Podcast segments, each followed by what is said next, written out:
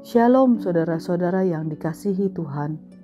Selamat bergabung di dalam program Tuhan adalah Gembalaku.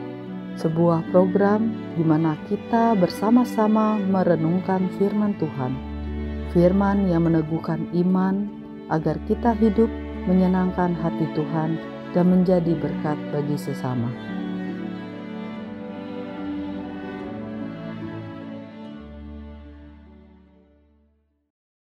Shalom saudara-saudara yang dikasih oleh Tuhan. Kita bersyukur hari ini bisa berjumpa kembali di dalam anugerah dan kebaikan Tuhan. Dan biarlah setiap hari kita menjadi orang yang selalu bersyukur kepada Tuhan. Untuk kesempatan kita bisa menikmati hidup kita dan berdiri lelah dalam pekerjaan kita. Salam jumpa dalam program Tuhan adalah Gembalaku. Pesta perkawinan merupakan hal yang sangat-sangat penting bagi insan manusia, apa pun etnik seseorang. Karena pernikahan adalah sesuatu yang mengubah status seseorang dari seorang yang hidup sendiri menjadi seorang yang mempunyai pasangan hidup dalam hidupnya. Dan pesta pernikahan itu selalu dipersiapkan dengan sungguh-sungguh dan jauh-jauh hari persiapan itu. Karena memang ada banyak hal yang harus disiapkan selain undangan-undangan yang harus disebarkan. Demikian juga makanan-makanan dan minuman-minuman harus disediakan dalam pesta pernikahan. Pesta pernikahan selalu digambarkan dengan suasana sukacita, ada kemeriahan. Pernikahan selain adalah relasi cinta kasih antara dua insan. Tapi pesta pernikahan itu adalah gambaran daripada kasih orang tua kepada anak-anaknya ketika mereka masuk dalam pernikahan. Saudara-saudara yang kasih dalam Tuhan, keselamatan yang Tuhan berikan kepada kita digambarkan dalam Alkitab sebagai pesta perkawinan anak domba. Menggambarkan kasih Allah yang begitu besar kepada kita dan menggambarkan sukacita yang begitu indah yang Tuhan sediakan bagi kita. Hari ini kita akan merenungkan bagian ini dari Injil Matius pasal 22 ayat 1 sampai dengan 14. Lalu Yesus berbicara pula dalam perumpamaan kepada mereka. Hal kerajaan sorga seumpama seorang raja yang mengadakan perjamuan kawin untuk anaknya.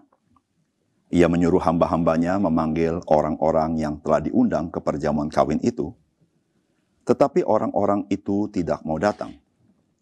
Ia menyuruh pula hamba-hamba lain, pesannya, katakanlah kepada orang-orang yang diundang itu, sesungguhnya hidangan telah kusediakan, lembu-lembu jantan dan ternak piaraanku telah disembeli, semuanya telah tersedia. Datanglah ke perjamuan kawin ini. Tetapi orang-orang yang diundang itu tidak mengindahkannya. Ada yang pergi ke ladangnya, ada yang pergi mengurus usahanya. Dan yang lain menangkap hamba-hambanya itu, menyiksanya, dan membunuhnya. Maka murkalah raja itu. Lalu menyuruh pasukannya ke sana untuk membinasakan pembunuh-pembunuh itu dan membakar kota mereka. Sesudah itu ia berkata kepada hamba-hambanya, perjamuan kawin telah tersedia, tetapi orang-orang yang diundang tadi tidak layak untuk itu. Sebab itu pergilah ke persimpangan-persimpangan jalan dan undanglah setiap orang yang kamu jumpai di sana ke perjamuan kawin itu. Maka pergilah hamba-hamba itu dan mereka mengumpulkan semua orang yang dijumpainya di jalan-jalan, orang-orang jahat dan orang-orang baik sehingga penuhlah ruangan perjamuan kawin itu dengan tamu. Ketika raja itu masuk untuk bertemu dengan tamu-tamu itu, ia melihat seorang yang tidak berpakaian pesta. Ia berkata kepadanya, "Hai saudara, bagaimana engkau masuk kemari dengan tidak mengenakan pakaian pesta?" Tetapi orang itu diam saja. Lalu kata raja itu kepada hamba-hambanya, "Ikatlah kaki dan tangannya. dan campakkanlah orang itu ke dalam kegelapan yang paling gelap. Di sanalah akan terdapat ratap dan kertak gigi. Sebab banyak yang dipanggil, tetapi sedikit yang dipilih.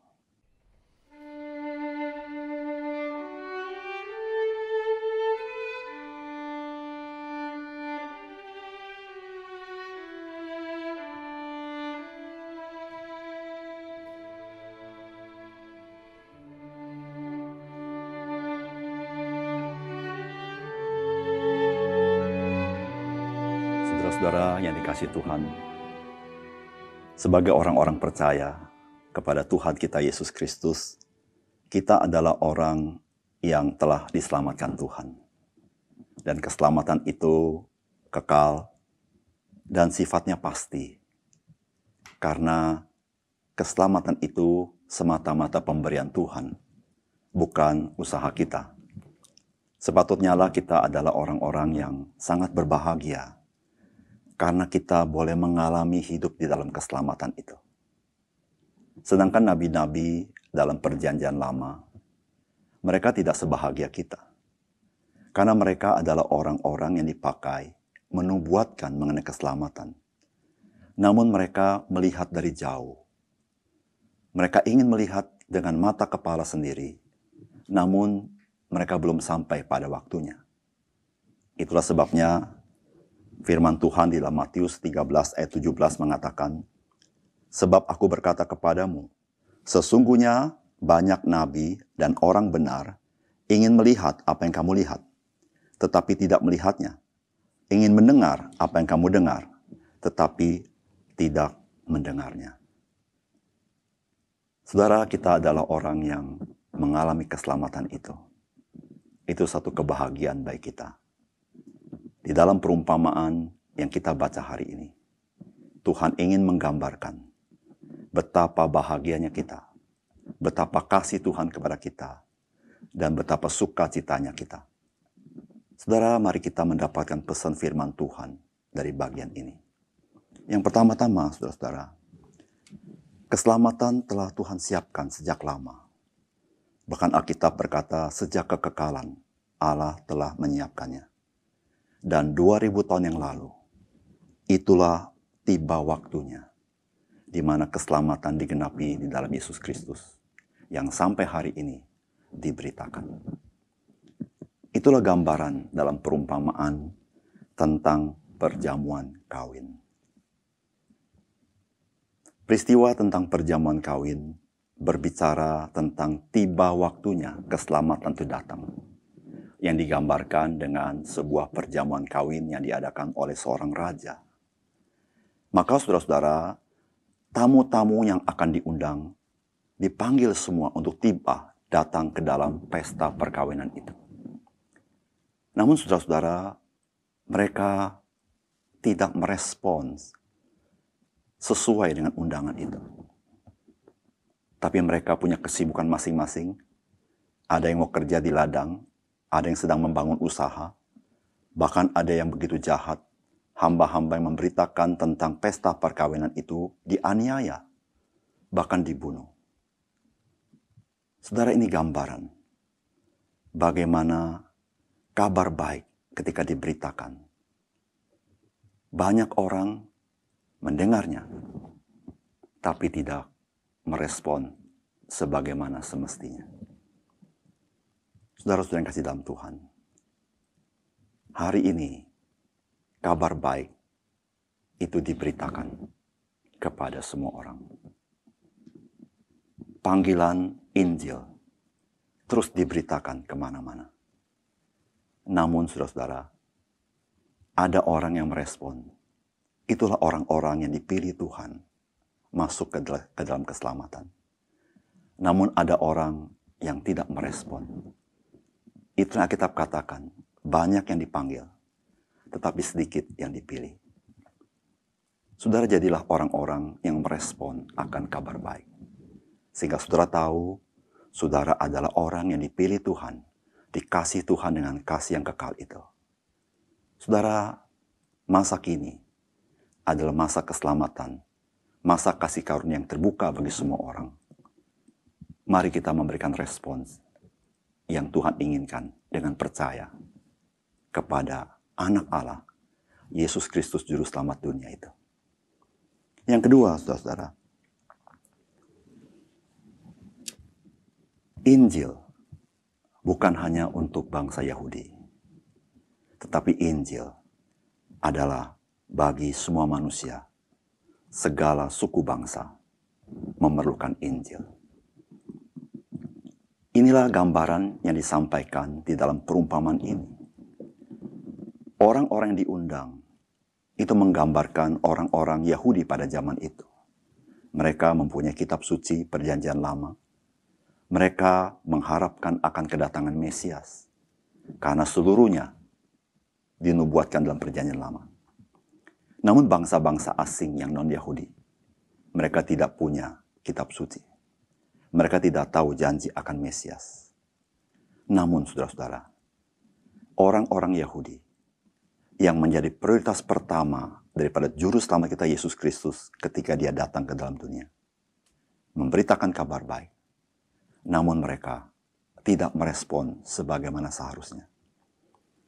Maka Injil harus diberitakan ke suku-suku lain, ke bangsa-bangsa lain, supaya karya keselamatan Tuhan boleh dialami oleh seluruh bangsa.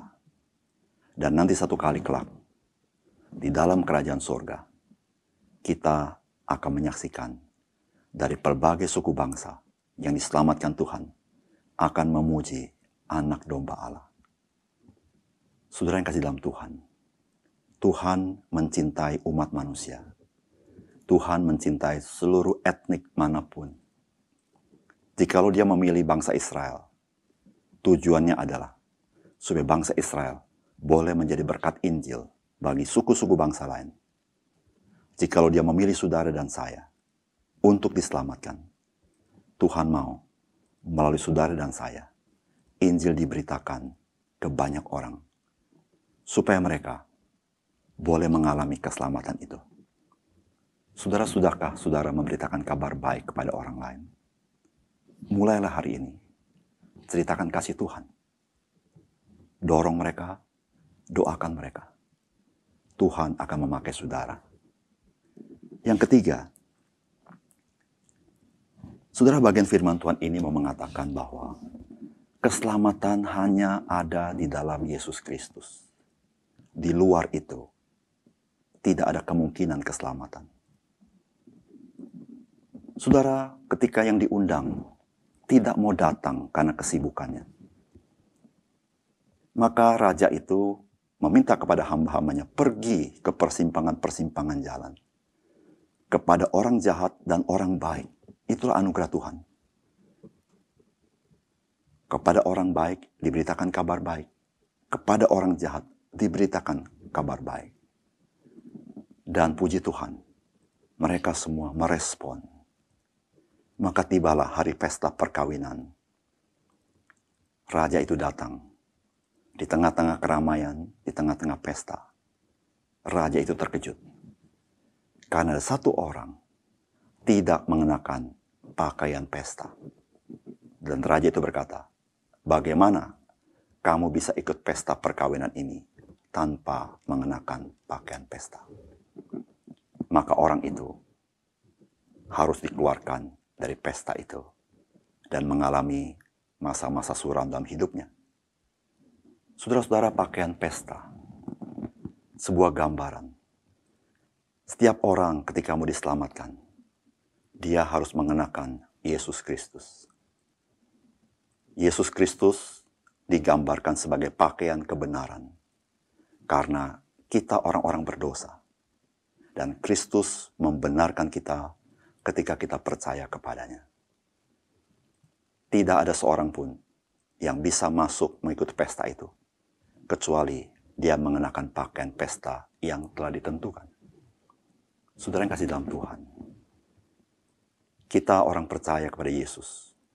Kita adalah orang yang sudah mengenakan Yesus Kristus. Dan kita adalah orang dibenarkan. Tapi begitu banyak orang di luar yang membutuhkan kasih Tuhan ini. Saudara marilah, di dalam anugerah dan kebaikan Tuhan. Dengan rendah hati, dengan cinta kasih dan hikmat Tuhan. Kita mulai berbagi, berbagi kabar baik, berbagi kasih Tuhan kepada orang lain. Mari kita berdoa. Bapak di surga, terima kasih untuk kebenaran firman-Mu yang dalam bentuk perumpamaan, tetapi memberikan kami pesan yang sangat kuat bagaimana Tuhan mencintai kami dengan mempersiapkan keselamatan itu sejak jauh-jauh hari. Bahkan Tuhan sudah menuliskannya dalam perjanjian lama yang diberitakan oleh para nabi-nabi. Supaya kami yang orang hari ini boleh mengenali siapakah juru selamat kami. Tuhan terima kasih karena Tuhan mempercayakan Injil kepada kami. Injil yang dimeteraikan oleh darah Yesus Kristus. Injil yang sangat berharga, yang tidak ternilai harganya. Karena Injil itu adalah kekuatan Allah yang menyelamatkan umat manusia. Tuhan biarlah kami yang menikmati anugerah seperti ini. Kami juga tahu ada amanat agung Tuhan supaya kami memberitakan kepada orang lain. Tuhan biarlah Tuhan pakai kami. Kami yang terbatas, kami yang apa adanya. Tapi kuasa roh kudus menyanggupkan kami menjadi pemberita Injil, pembawa kabar baik kepada orang lain. Tuhan hari ini kami serahkan hidup kami kepada Tuhan. Kepada siapa pun kami berjumpa, Jadikan kami saluran berkat Tuhan bagi mereka. Terima kasih Tuhan. Dalam nama Tuhan Yesus kami berdoa. Amin.